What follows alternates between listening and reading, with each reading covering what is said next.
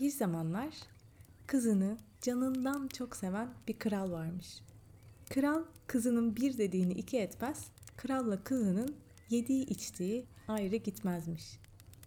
Yıllar geçmiş, küçük kız büyüdükçe güzelleşmiş, güzelleştikçe büyümüş. Güzel olduğu kadar zeki ve becerikli olan bu kız hangi hoca önüne gelse anlattıklarını su gibi içer, gösterdiklerini anında anlarmış.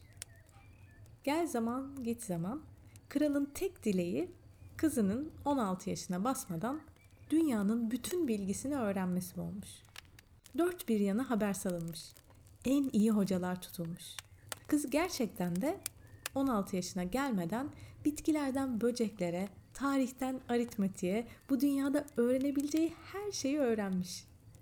16 yaşına bastığında babası ee, artık evlenme zamanın geldi demiş. Tamam demiş kız. Ama bir şartım var.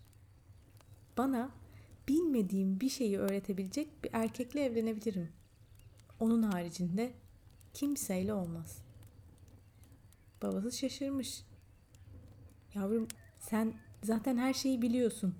Nasıl olacak bu iş? Nereden bulacağız öyle adamı? diye sormuş. Kız hiç ses etmemiş. Günlerden bir gün kız bir gölün başında suya bakarken hayallere dalmış. Tam o sırada suyun üzerinde bir kıpırtı olmuş. Bir bakmış kapkara bir gölge ona doğru yüzüyor. Heyecanlanmış. Gölge kıza yaklaşmış, yaklaşmış, yaklaşmış ve gölün içinden dalyan gibi yakışıklı, boylu poslu, çırılçıplak bir adam çıkmış. Kızın nutku tutulmuş. Adam söze girince o da açılmış.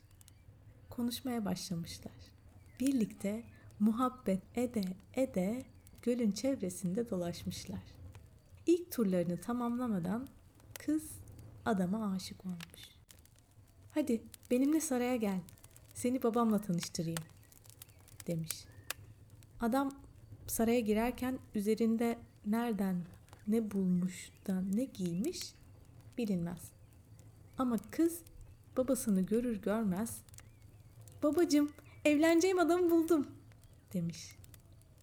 O zamanlar adettenmiş. Babalar kızlarını evlendirmeden önce damadı iyi tanımak istermiş.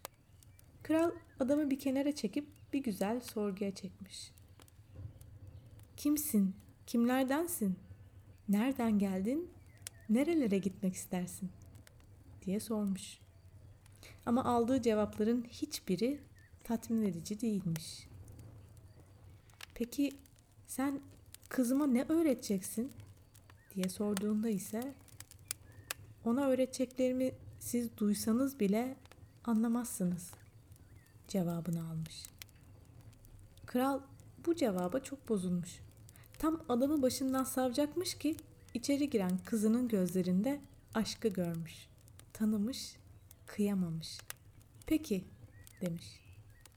O zamanlar Afrika'da iki genç evlenmeden önce mutlaka baş başa bir gece geçirirlermiş. Genç çifte bu tören için bir ev hazırlanmış. Evin dört bir yanına da muhafızlar dikilmiş. İşte ne olduysa o gecenin sabahında olmuş. Beklemişler, beklemişler. Kimseden ses çıkmayınca eve girip bakmışlar. Kimsecikler yokmuş. Çabuk söyle. Nasıl bulacağız kızımı? Kral yana yakıla sarayın danışmanına sormuş. Dünyanın en iyi koku alanını çağıralım demiş danışman. Aramışlar, taramışlar. Dünyanın en iyi koku alanı gelmiş yanlarına. koklaya koklaya gölün yanına varmış. Kız gölün içinde demiş. Bunun üzerine danışman durmuş, bakmış. Dünyanın en susamışını çağıralım demiş. Aramışlar, taramışlar. Dünyanın en susamışı yanlarına gelmiş. Susamış öyle susamış ki tam yedi günde bütün gölü içip bitirmiş. En iyi koku alan tekrar koklamaya başlamış. Koklaya koklaya gölün dibindeki bir deliğin yanında durmuş. Kız bu deliğin içinde demiş. Bunun üzerine danışman durmuş, bakmış. Dünyanın en uzun kollusunu çağıralım demiş. Aramışlar, taramışlar. Dünyanın en uzun kollusu yanlarına gelmiş. Tam yedi gün, yedi gece boyunca kolunu delikten içeri uzatmış, uzatmış, uzatmış ve kocaman bir şey yakalamış. Ardından tam yedi gün, yedi gece boyunca çekmiş, çekmiş, çekmiş ve sonunda kocaman bir kara yılanı kumların üzerine fırlatmış. En iyi koku alan koklamış ve kız bu yılanın karnında demiş. Bunu duyan kral hışımla kılıcına davranmış. Ama yılan kralın ona yaklaşmasına meydan vermeden patlamış, yok olmuş. Kralın kızı kumların üzerinde baygın bir şekilde kala kalmış. Kalbi atmıyor, nefes almıyormuş. Danışman derhal şifacıyı çağırmış. Şifacı öyle bir kadınmış ki ölüleri bile diriltirmiş. Kızın yanına oturmuş, sırasıyla kızın alnını, göğsünü ve karnını okşamış. Kız gözlerini açmış ve doğrulmuş. Kendine gelir gelmez koşup babasının boynuna sarılmış. Beni bana bilmediğim bir şey öğretebilecek bir erkekle baş başa bıraktığın için teşekkür ederim babacığım.